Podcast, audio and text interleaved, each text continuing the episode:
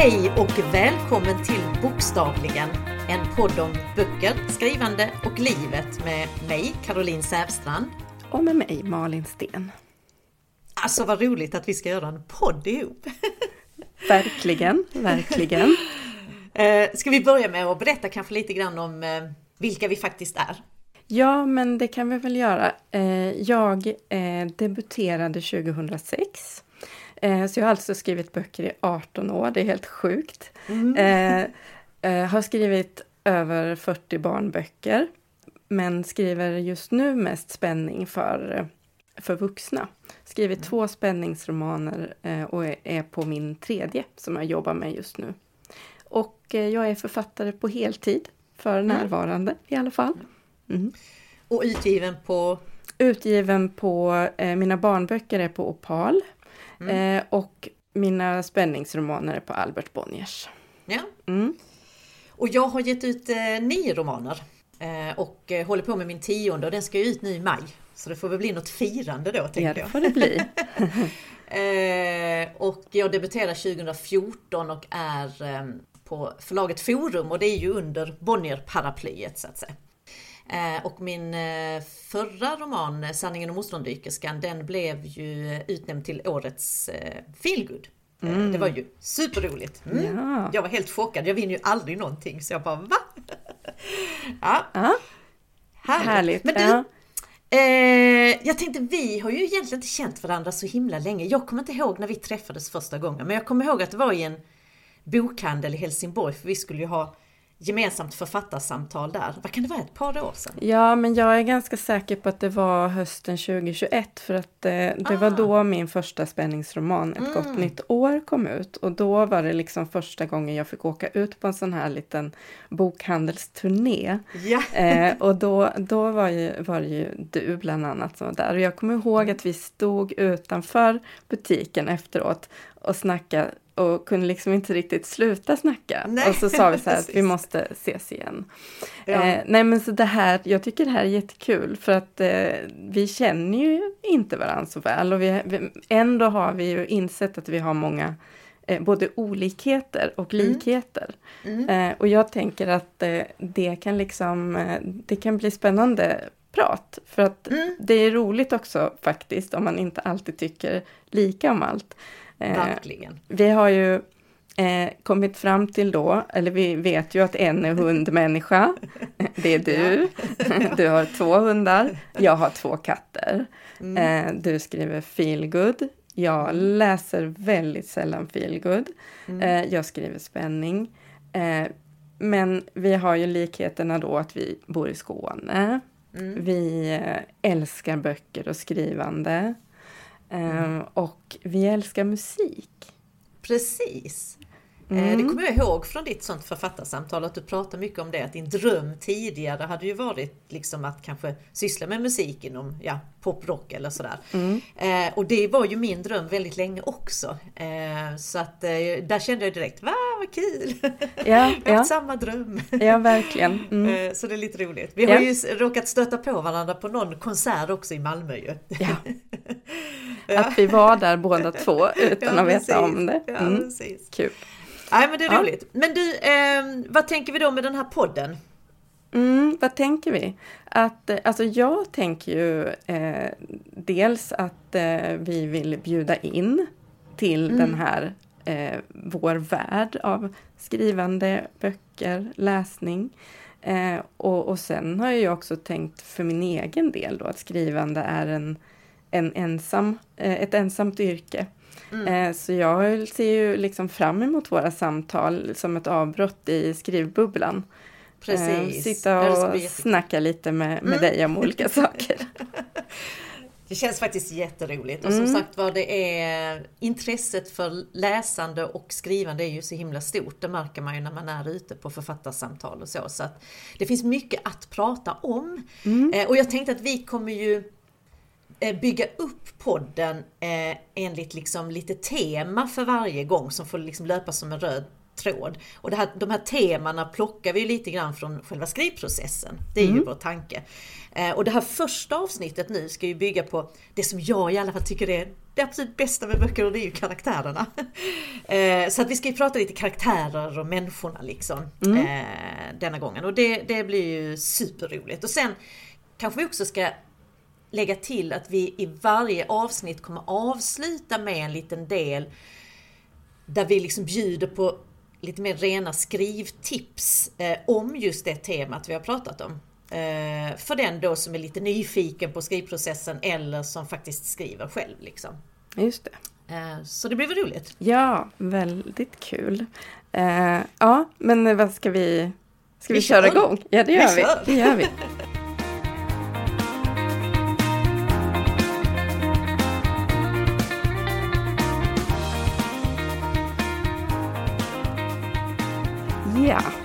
då är vi igång med första temat eh, karaktärer. Och vi skriver ju, även om du då skriver feelgood och jag skriver spänning, så är ju, skriver vi ju karaktärsdrivna böcker, får man ju säga. Där vi följer eh, karaktärernas inre liv, deras tankar och känslor. Eh, och, och jag tänker att i spänningsromaner så handlar det väldigt mycket om vad man avslöjar men också vad man utelämnar. Mm. Eh, man, det är rätt vanligt med opolitliga berättare. Och det kanske det inte är i feelgood, jag vet inte. Men, men eh, i, i mina och många andra spänningsromaner så är det ju så att man inte riktigt kan lita alltid på huvudkaraktären. Mm. Mm. Eh, och för att man senare ska bli överraskad och få veta någonting som, som låg i, i bakgrunden. Just det. Mm. Eh, och eh, för mig är det också väldigt viktigt med trovärdiga karaktärer. Alltså att de, det är inga superhjältar. Nej. De är mänskliga, de är inte bra på allt. Eh, de måste ha både mörker och ljus. Eh, och de är sällan liksom rakt igenom onda eller goda. Alltså även de karaktärer som begår brott, de är inga kallhamrade mördare utan ofta agerar de i någon form av eh, desperation, i en, mm. hamnar i en situation där de inte vet vad de ska göra. Mm. Och det kan jag ju nästan tycka blir ännu mer spännande och lite läskigt för då kommer det väldigt, väldigt nära. Ja men det är så jag tänker. Jag, har alltid, liksom, jag, jag lockas ju av det här att vanliga människor hamnar i situationer mm. som de inte kan kontrollera och då mm. blir det ju lite att man tänker hur hade jag reagerat mm, om precis. jag hade hamnat i den här situationen. Eh, så så eh, Ja, så, så det, det händer ju att jag får lite kritik för att mina karaktärer är otrevliga. Eller en, en del läsare kan, kan skriva så här i, i du vet, Instagram-recensioner och så, att, att eh, de gillar ingen av karaktärerna, men de gillar kanske ändå, ändå själva boken. Eh, och jag har tänkt lite på det där, men, men jag kan nog inte skriva några andra karaktärer, för att jag vill att de ska ha alla sidor. Mm. Och så har jag tänkt på vad det är som gör att de är otrevliga. Men kanske är det för att de, kommer, de blir för mänskliga. Mm, alltså du vet precis. att de kommer för, för nära. Mm. Eh, och man kanske till och med känner igen obehagliga sidor av sig ja. själv, inte vet jag. ja. Men, men hur, hur tänker du då när du... Nej men jag tänker att i, i mitt fall så handlar det ju alltid om att liksom lyfta karaktärernas personliga utveckling eh, någonstans. Alltså det börjar alltid med att de står vid ett vägskäl i livet av olika anledningar där de liksom tvivlar eller känner sig mer eller mindre vilsna i tillvaron. Alltså man mår oftast inte riktigt bra. Eh, och det där kan ju bero då på egna val och beslut man har tagit eller så beror det på andras. Eller så beror det på yttre omständigheter. I flera av mina böcker har jag ju liksom eh, byggt storyn på ett beslut eller ett val som har tagits av någon i kanske en eller flera generationer bak som i sin tur påverkar då huvudpersonen i nutid. Och då måste man liksom luska rätt på vad är det där bak som gör att jag då påverkas av det här. Eh, och eh, liksom poängen är ju att ta karaktärerna via liksom en krokig väg då fram till det här lite hoppfulla liksom slutet. Och då ska ju de här hemligheterna eller vad det nu är ha nystats upp på vägen och, och liksom personerna ser sig själv eh, och andra med liksom lite nya ögon. Eh, de ska ju vara på en bättre plats eh, i livet än, än, i början av boken och det är ju liksom poängen. Och det är väl därför mina romaner gillas av feelgood-publiken även om jag egentligen eh, kanske inte alltid är så super feelgoodig. Mina böcker kan vara lite långsamma ibland, de kan vara lite Eh, Eh, de är ganska mörka mellan varven, kanske mina tidigare böcker är nog ännu mörkare än mina senare. Eh, jag dyker ju ner liksom i livets svårigheter men det är ju också lite poängen med feelgood att man gör det och sen ska man ju komma fram till ett bättre slut så att säga. Eh, och ja, men det spännande som jag tycker ändå med att skriva den här typen av karaktärer det är ju att du sa ju det med, med att läsarna då blir liksom berörda och nästan inte gillar dina karaktärer. När, när det gäller min typ av böcker så jag får ju så otroligt mycket mejl och meddelanden från läsare som berättar att de har gjort förändringar i sitt liv efter att ha läst mina böcker. Mm. Eh, så det blir liksom någon form av liten sån terapeutisk resa. Man ser, man följer karaktärerna och ser att livet går att förändra och då blir man själv benägen att göra förändringar i sitt eget liv.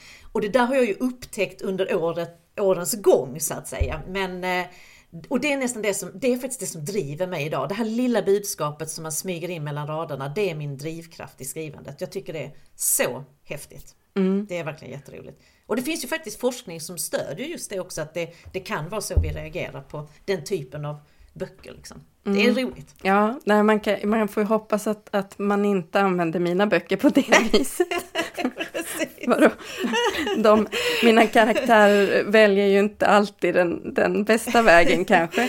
Eh, utan nej, så, så drivkraften där för mig är nog egentligen mer att, att eh, helt enkelt underhålla och eh, liksom skrämma läsaren ja. lite och, och komma med oväntade vändningar.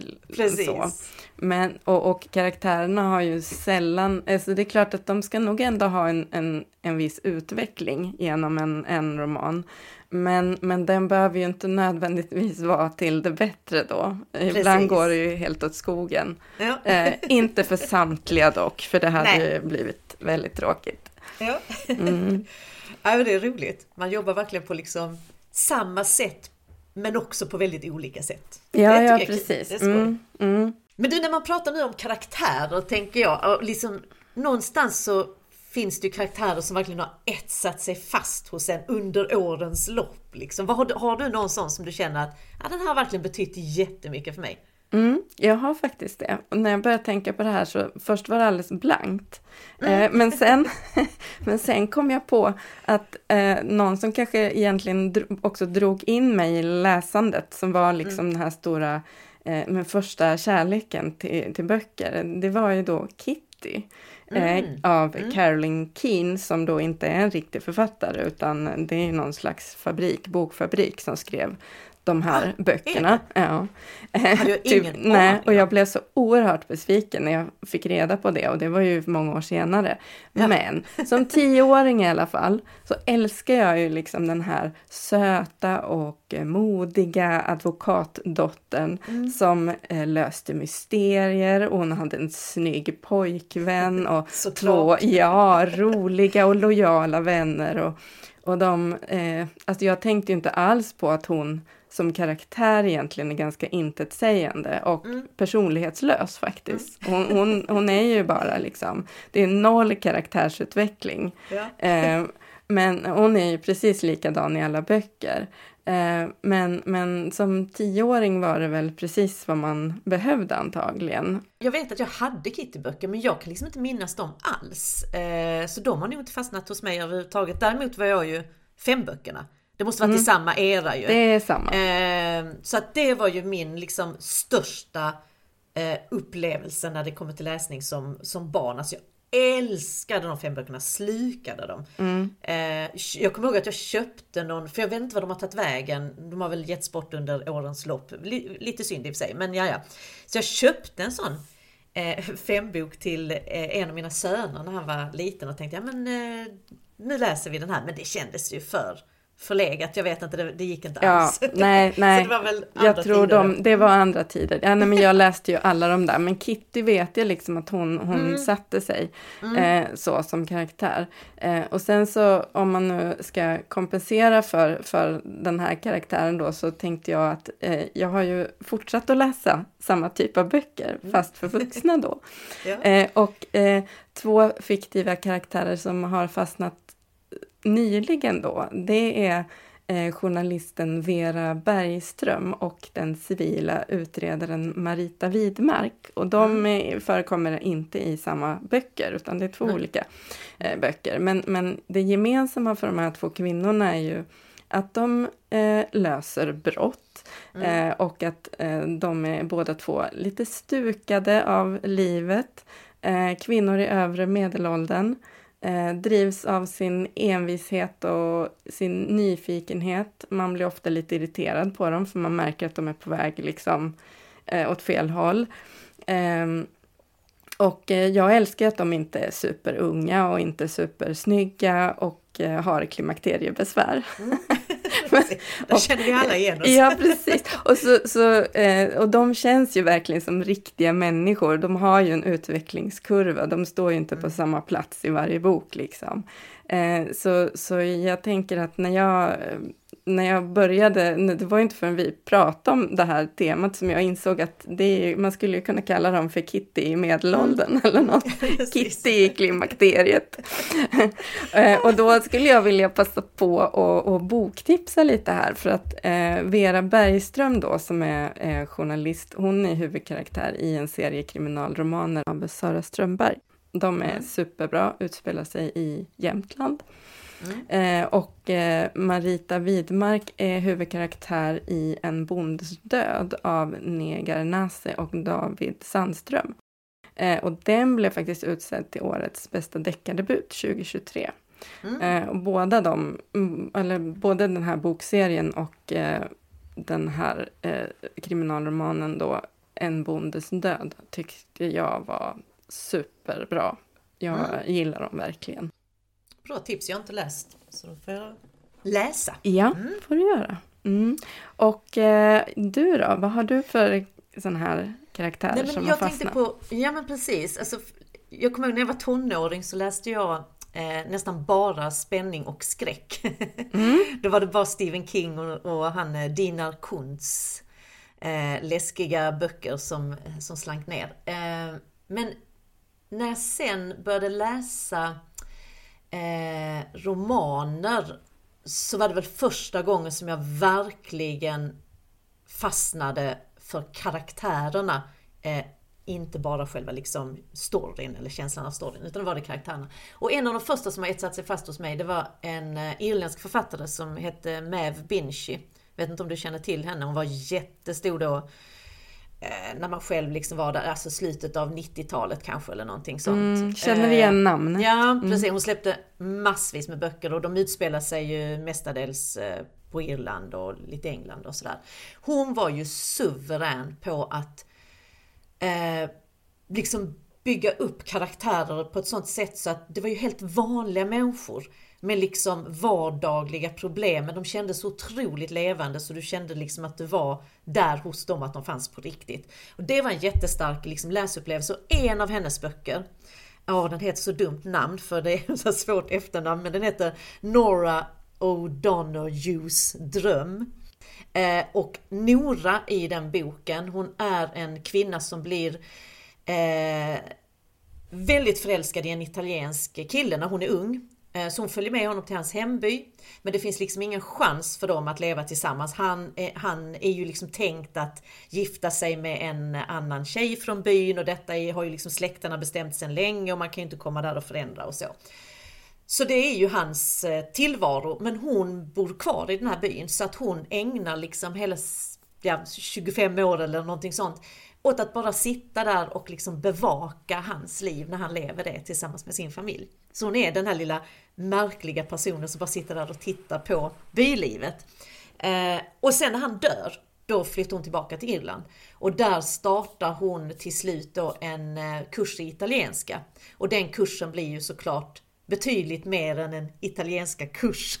Eh, då börjar det hända grejer med, med alla de som är på den här kursen och det blir liksom någon form av eh, drömmar uppfylls och utveckling sker och så vidare och så vidare. Den karaktären, alltså jag, jag tror att jag Säger jag att jag har läst den boken 30 gånger så är det ändå att vara lite grann i nedre kant. Jag tror jag har läst den betydligt fler gånger än 30. Oj. Äh, älskade den! Alltså den var... Åh, jag tyckte så mycket om den. Och nu kan jag ju se ett jättetydligt frö. Där såddes ett frö till mitt sätt att jobba med karaktärer och till mitt sätt att faktiskt skriva böcker. Eh, det är lite häftigt när man ser tillbaka så. Tänk mm. att vad den boken skulle komma att betyda för mig i framtiden. Jag hade ju ingen aning om det då, att man skulle skriva en bok. Men, men jag ser ju tydliga liksom, likhetstecken med hur hon jobbar. Liksom. Så mm. att, äh, det är häftigt. Den, den betyder supermycket för mig. Eh, och den, den, karaktären också. Det hörs. Mm. när du berättade om den så kände mm. jag direkt att det här är ju Caroline. Ja, men eller hur? ja. ja. Mm. ja, det är lite roligt. Ja. Mm. När man pratar om karaktärer så liksom karaktärerna är ju liksom människorna och då blir man lite nyfiken på dig som Aha. människa. Vilka är dina karaktärsdrag? Alltså vad är din liksom det är lite kul också eftersom vi inte riktigt känner varandra sådär in i minsta lilla detalj. Men jag tänker vad är, vad är liksom, vad, vad känner du är din styrka eller din starka sida? Vad känner du kanske är någon sån här sida som man skulle vilja stärka upp lite grann?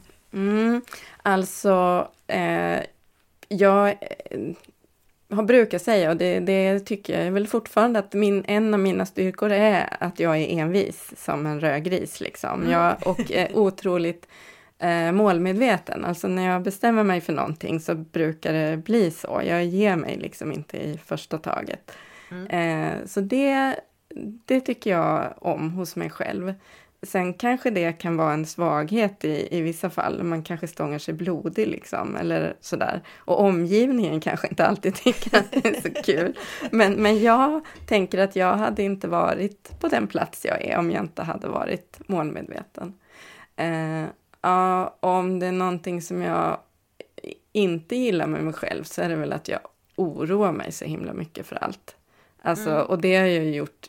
Jag har ju varit en orolig själv sedan jag var barn. Mm. Jag har till och med mm. skrivit en barnbok om en tjej som håller på att oroa ihjäl sig. Ja.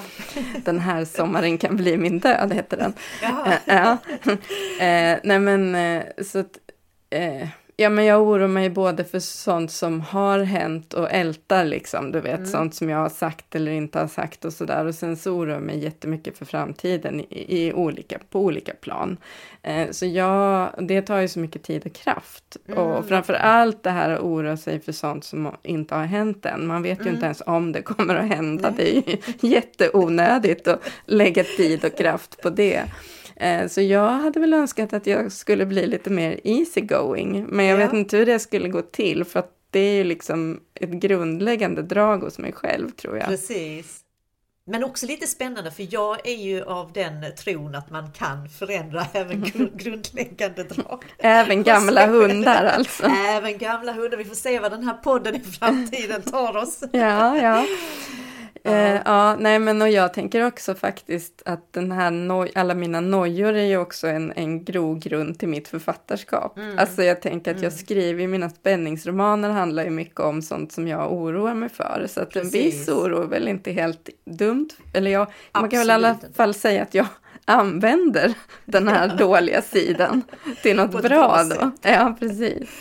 Men, men ja. du då, vad, vad har du? Nej, men jag, jag tror att jag är eh, min styrka är nog definitivt samma som din styrka. Att jag kan nog tycka att jag är väldigt målmedveten och strukturerad och liksom går in 100% om det är någonting som jag känner är liksom viktigt. Så alla de här viktiga grejerna i livet, då har jag haft en väldigt tydlig bild och verkligen liksom se till att nå det lite som du. Eh, sen är jag väl som person jag tycker att jag har väldigt mycket idéer alltid. Jag kommer alltid på sådana roliga idéer och det kan vara liksom i smått och stort och det kan ha med författarskapet att göra eller bara andra lite roliga grejer men jag, där är jag inte alls särskilt bra på liksom att få ändan ur vagnen och faktiskt förverkliga de idéerna. Utan det är som att jag lägger allt krut på de stora viktiga grejerna. Sen allt det här andra lite roliga lullullet runt omkring, det, det liksom faller bort. Och då skyller jag alltid på tid. Tycker att jag har inte tid. Men så samtidigt så blir jag lite irriterad på mig själv. För jag känner ju också att jag har ju inte små barn och Alltså man borde ha tid även för lite annat utöver skrivande och ja, vad man nu gör för någonting. Mm. Men så att alla de här tusen idéerna man har, det var trevligt om någon kunde förverkligas någon gång så de inte bara läggs på hög. För jag tycker ofta att de är jättebra men sen bara, nej. Blev ingenting av det detta året heller, det tar vi nästa år. Mm. Men då skulle, du kanske, då skulle du kanske välja någon av de här, alla de här tusen idéerna Precis. då och se om du kunde ro i land med den. Exakt, det, så är det nog att man eh, måste någonstans försöka tratta ner och liksom återigen då prioritera. Liksom. Känna Mm. att ja, men det här är, känns viktigt för mig just nu, då gör jag det. Mm. Eh, och sen faktiskt lägga in den tiden. Ja, Mm, mm, mm. Så att det är nog eh, det är nog lite min sån akilleshäl. Mm. Det kommer till skott. Just det. Du ska bli easy going och jag ska komma till skott.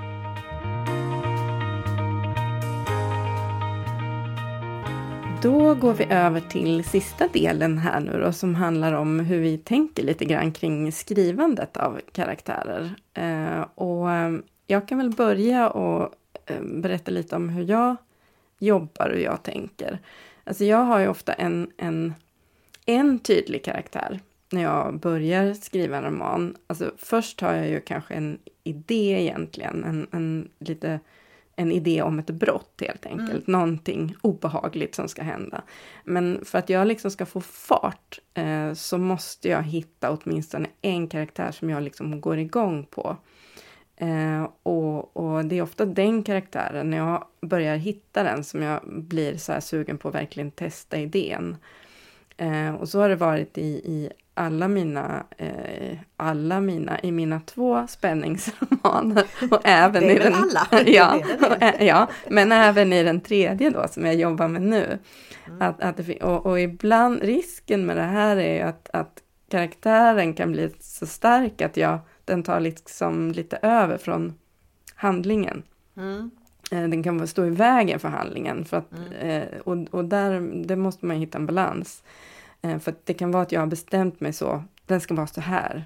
Mm. Mm, Men sen kanske det inte passar riktigt när, när storyn väl börjar gå igång och, och man Just. får eh, koll, mer koll på, på hela processen. Men, Mm. men, eh, och, och jag vet sällan allt om, även om jag vet rätt mycket om den här karaktären så vet jag sällan allt om den när jag börjar skriva. Mm. Utan det är någon slags, eh, det är också en process att jag lär känna mina karaktärer under vägen och ju mer jag skriver desto mer får jag veta. Eh, ofta får jag gå tillbaka eh, när jag har kommit en bit för att inse att nej men det här, det här funkar inte riktigt längre. Nu får den bli äldre eller yngre eller den måste ha det här eller det här. Mm. Eh, så att eh, jag vet liksom inte allt om mina karaktärer från början. Hur, hur jobbar du men det- där? Ja men det, där är vi nog eh, faktiskt väldigt lika. Jag vet ju en hel del om eh, vad karaktären har varit liksom med om innan första sidan i boken börjar. Eh, alltså jag vet vad som har format eh, karaktären, vilka liksom händelser, vilka trauman, vilka liksom eh, som har satt sina spår och, eh, ja, och gjort den karaktären till den personen den är. Eh, jag vet också vad det är som har tagit den till det här vägskälet där den då befinner sig. Eh, och sen vet jag en sak till och det är att jag vet vem jag vill att den här personen ska vara på sista sidan. Och där, där ser man ju den här liksom, den typen av böcker som jag skriver, att det är så himla viktigt för mig vem den är på, på liksom sista sidan, för den ska ju vara lite annan än, än vem den är i början av boken. Eh, sen vet jag inte så mycket däremellan, utan genom att ha liksom startpunkten, där befinner sig karaktären nu, och målet, den personen vill jag att den ska vara i slutet, så nystar jag mig fram liksom, och låt, följer liksom någonstans karaktärens utveckling i, i huvudet och i hjärtat på något vis. Eh, så jag vet inte mycket heller om den utan den liksom får ta sin, ta sin gilla gång där. Och det är ju samma sak där när jag väl har skrivit mitt råmanus då. Ja men när man sen går tillbaka, det är först då man lite grann har lärt känna sin karaktär. Så då får man ju lite börja om igen. Och, Ja. och jobba om den utifrån de förutsättningarna som nu har dykt upp. Men det är ett Ja, väldigt precis. Det är lite småkrångligt sätt att jobba på ibland men det är också ett väldigt, väldigt roligt sätt för det är ju som att lära känna en människa liksom. Ja, eh, på ja 300 precis. sidor. Ja, verkligen.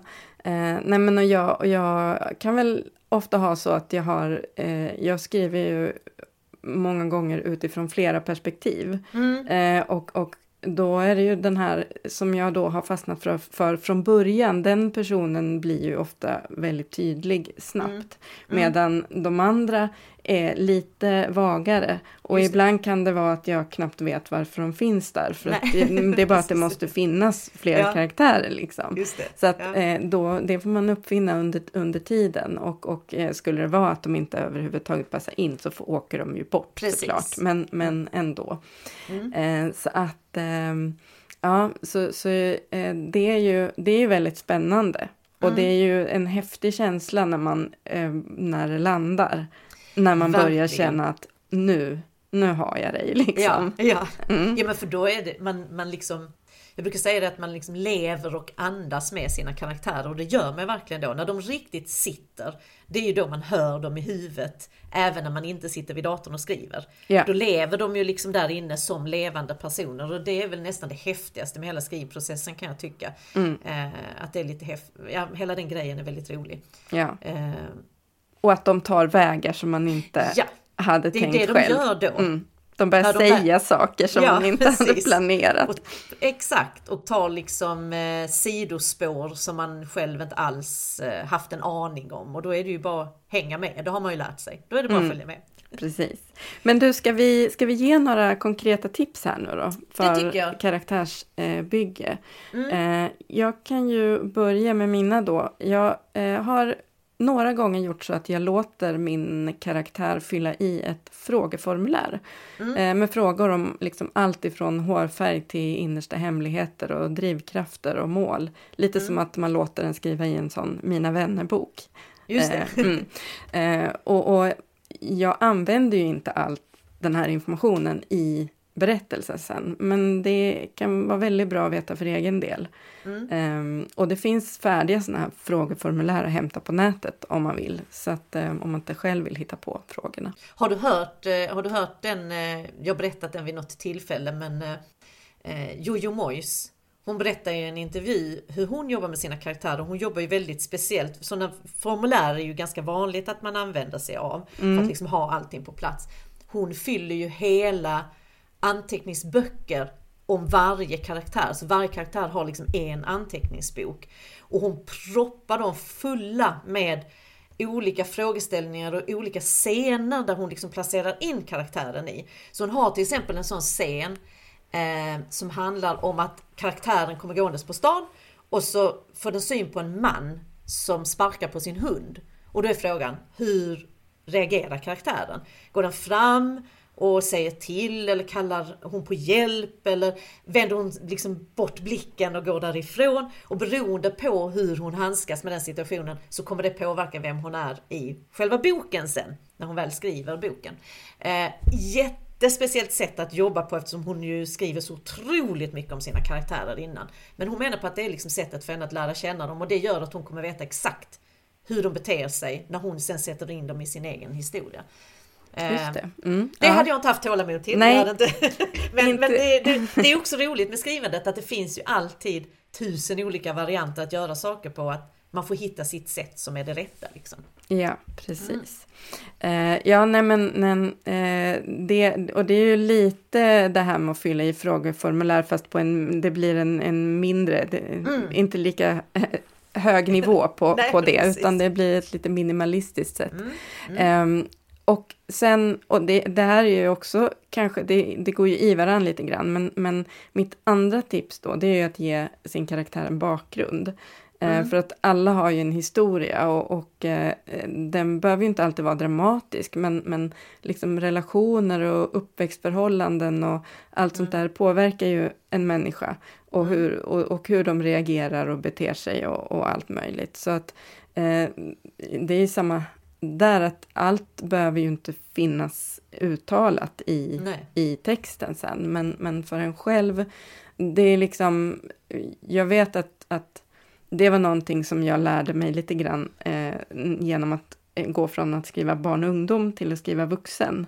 Mm. Därför att i, i barn och ungdomsböcker har man ofta, man har inte riktigt lika mycket tid på sig. Eh, det ska gå snabbare.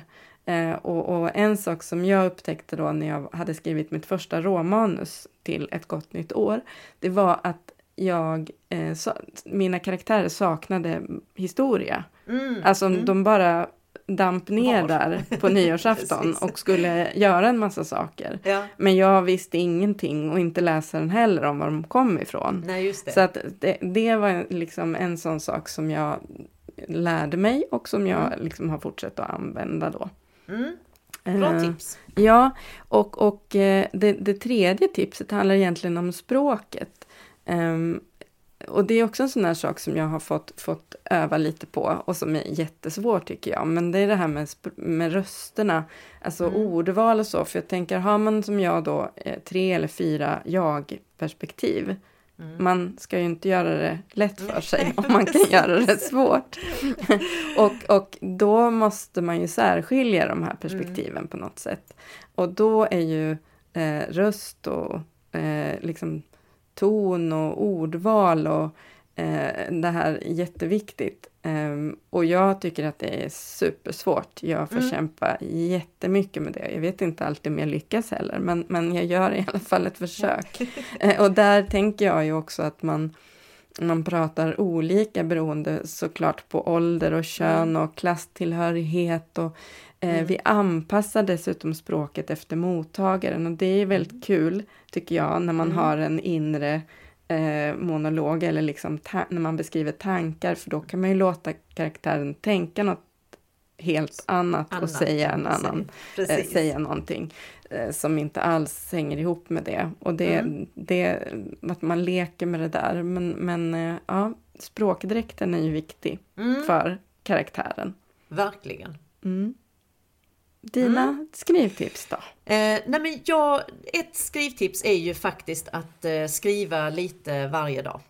Mm. Eh, och det handlar ju om att hålla karaktärerna levande i huvudet. Det vi lite grann pratade om innan. Att, att liksom få dem att höras i huvudet. Det handlar ju om att du hela tiden håller dem närvarande och det gör man ju genom att skriva eh, lite varje dag. Jag brukar alltid säga att det är bättre att skriva en liten stund varje dag än att kanske då lägga lite mer tid en dag i veckan. För då är det som att få börja om lite grann på nytt igen.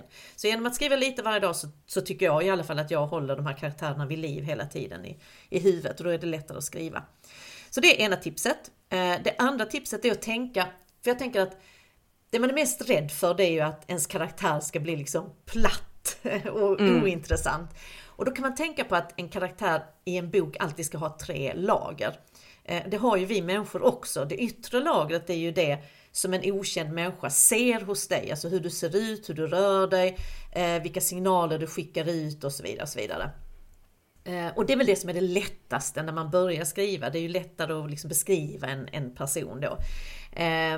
Men det räcker ju inte riktigt för att de ska få liv, utan då behöver man gå in i det mellersta lagret. Och det mellersta lagret av en människa är ju det som de i ens närhet känner till om dig. Alltså vem är du som mamma, kollega, vän eh, och så vidare. och Så vidare.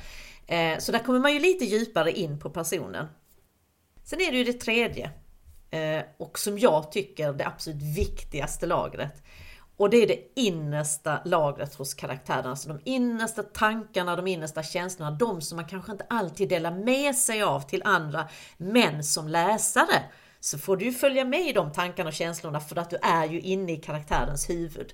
Eh, och det gör att karaktären blir levande och fastnar hos dig om du lyckas med det. Eh, Och det är lite samma sak som du sa där ju, att, eh, att liksom få vara med i, i tankarna och känslospektrat där. Mm. Ja, det, det är lite kul för man kan ju applicera liksom språkval just på det där också. För man, Precis. man pratar ju på ett sätt med sina kollegor kanske och man uttrycker sig på ett annat sätt när man pratar med sina barn. Exakt. Och, när Och sen tänker man tänker helt man. annat. Ja, eller hur?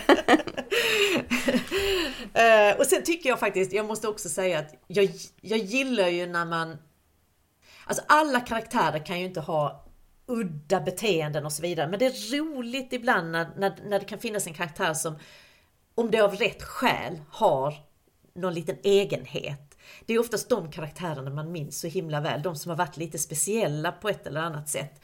Eh, så det tycker jag också är kul om man har den karaktären som, som faktiskt kan ha en liten egenhet så, så ska man gärna spåna fram en liten sån. För det gör ju att den blir väldigt, väldigt personlig. Mm. Eh, jag kommer ihåg eh, Emma Hamberg skrev den här Rosengädda-serien och i hennes första bok så fanns det en en karaktär som hade en kvinna som hade små ekorrungar i sin bh eh, och där var de för att de skulle liksom få värme och kunna liksom klara sig. Och det, tack vare den grejen så kommer jag ju aldrig någonsin glömma den här karaktären. Jag tyckte det var så himla roligt med de här små ekorrungarna i bhn. Så det, ja, det, hitta gärna små egenheter. Ja, så blir mm. karaktären mm. oförglömlig. Bra tips. Ja. Mm. Ja men härligt! Du ja. har vi ju eh, fått till lite härligt. Nu är man ju sugen på att sätta sig och skriva. Ja, eller hur? eller hur? gjorde man att man själv blev sugen. Ja, ja. Eh, och ja, men det känns väldigt kul att vara igång. Verkligen! Eh, vi har ju ändå pratat om det här ett tag ju, så att eh, ja. en, en liten eh, så här, långsam start och nu, ja, nu är vi äntligen här. Äntligen med... igång! Mm. Så roligt! Och jag ja. tänkte nästa gång har vi pratat om att eh, kanske prata lite om idéer. Mm. Eh, hur får man egentligen en idé till en bok? Det är en väldigt vanlig fråga man får mm. som författare. Och eh, sen blir man ju också lite, innebär det då att vi som författare är idésprutor i verkliga livet bara för att vi alltid hittar på en massa till böckerna? Eller är vi världens tradigaste människor egentligen? Just det det, det återstår att se. Det återstår att se och det kanske andra får bedöma. men, men, eh, men absolut, idéer är ju grunden. Det är kul. Mm, mm, det är, det är grunden mm. och det kan vara lite roligt att prata och, och, jag är nyfiken på hur du hittar dina idéer så att ja, då får mm, vi... Detsamma! Ja. ja. vi ses nästa ja, gång! Ja, det gör vi! Ha det bra! Detsamma! Hej! Hej.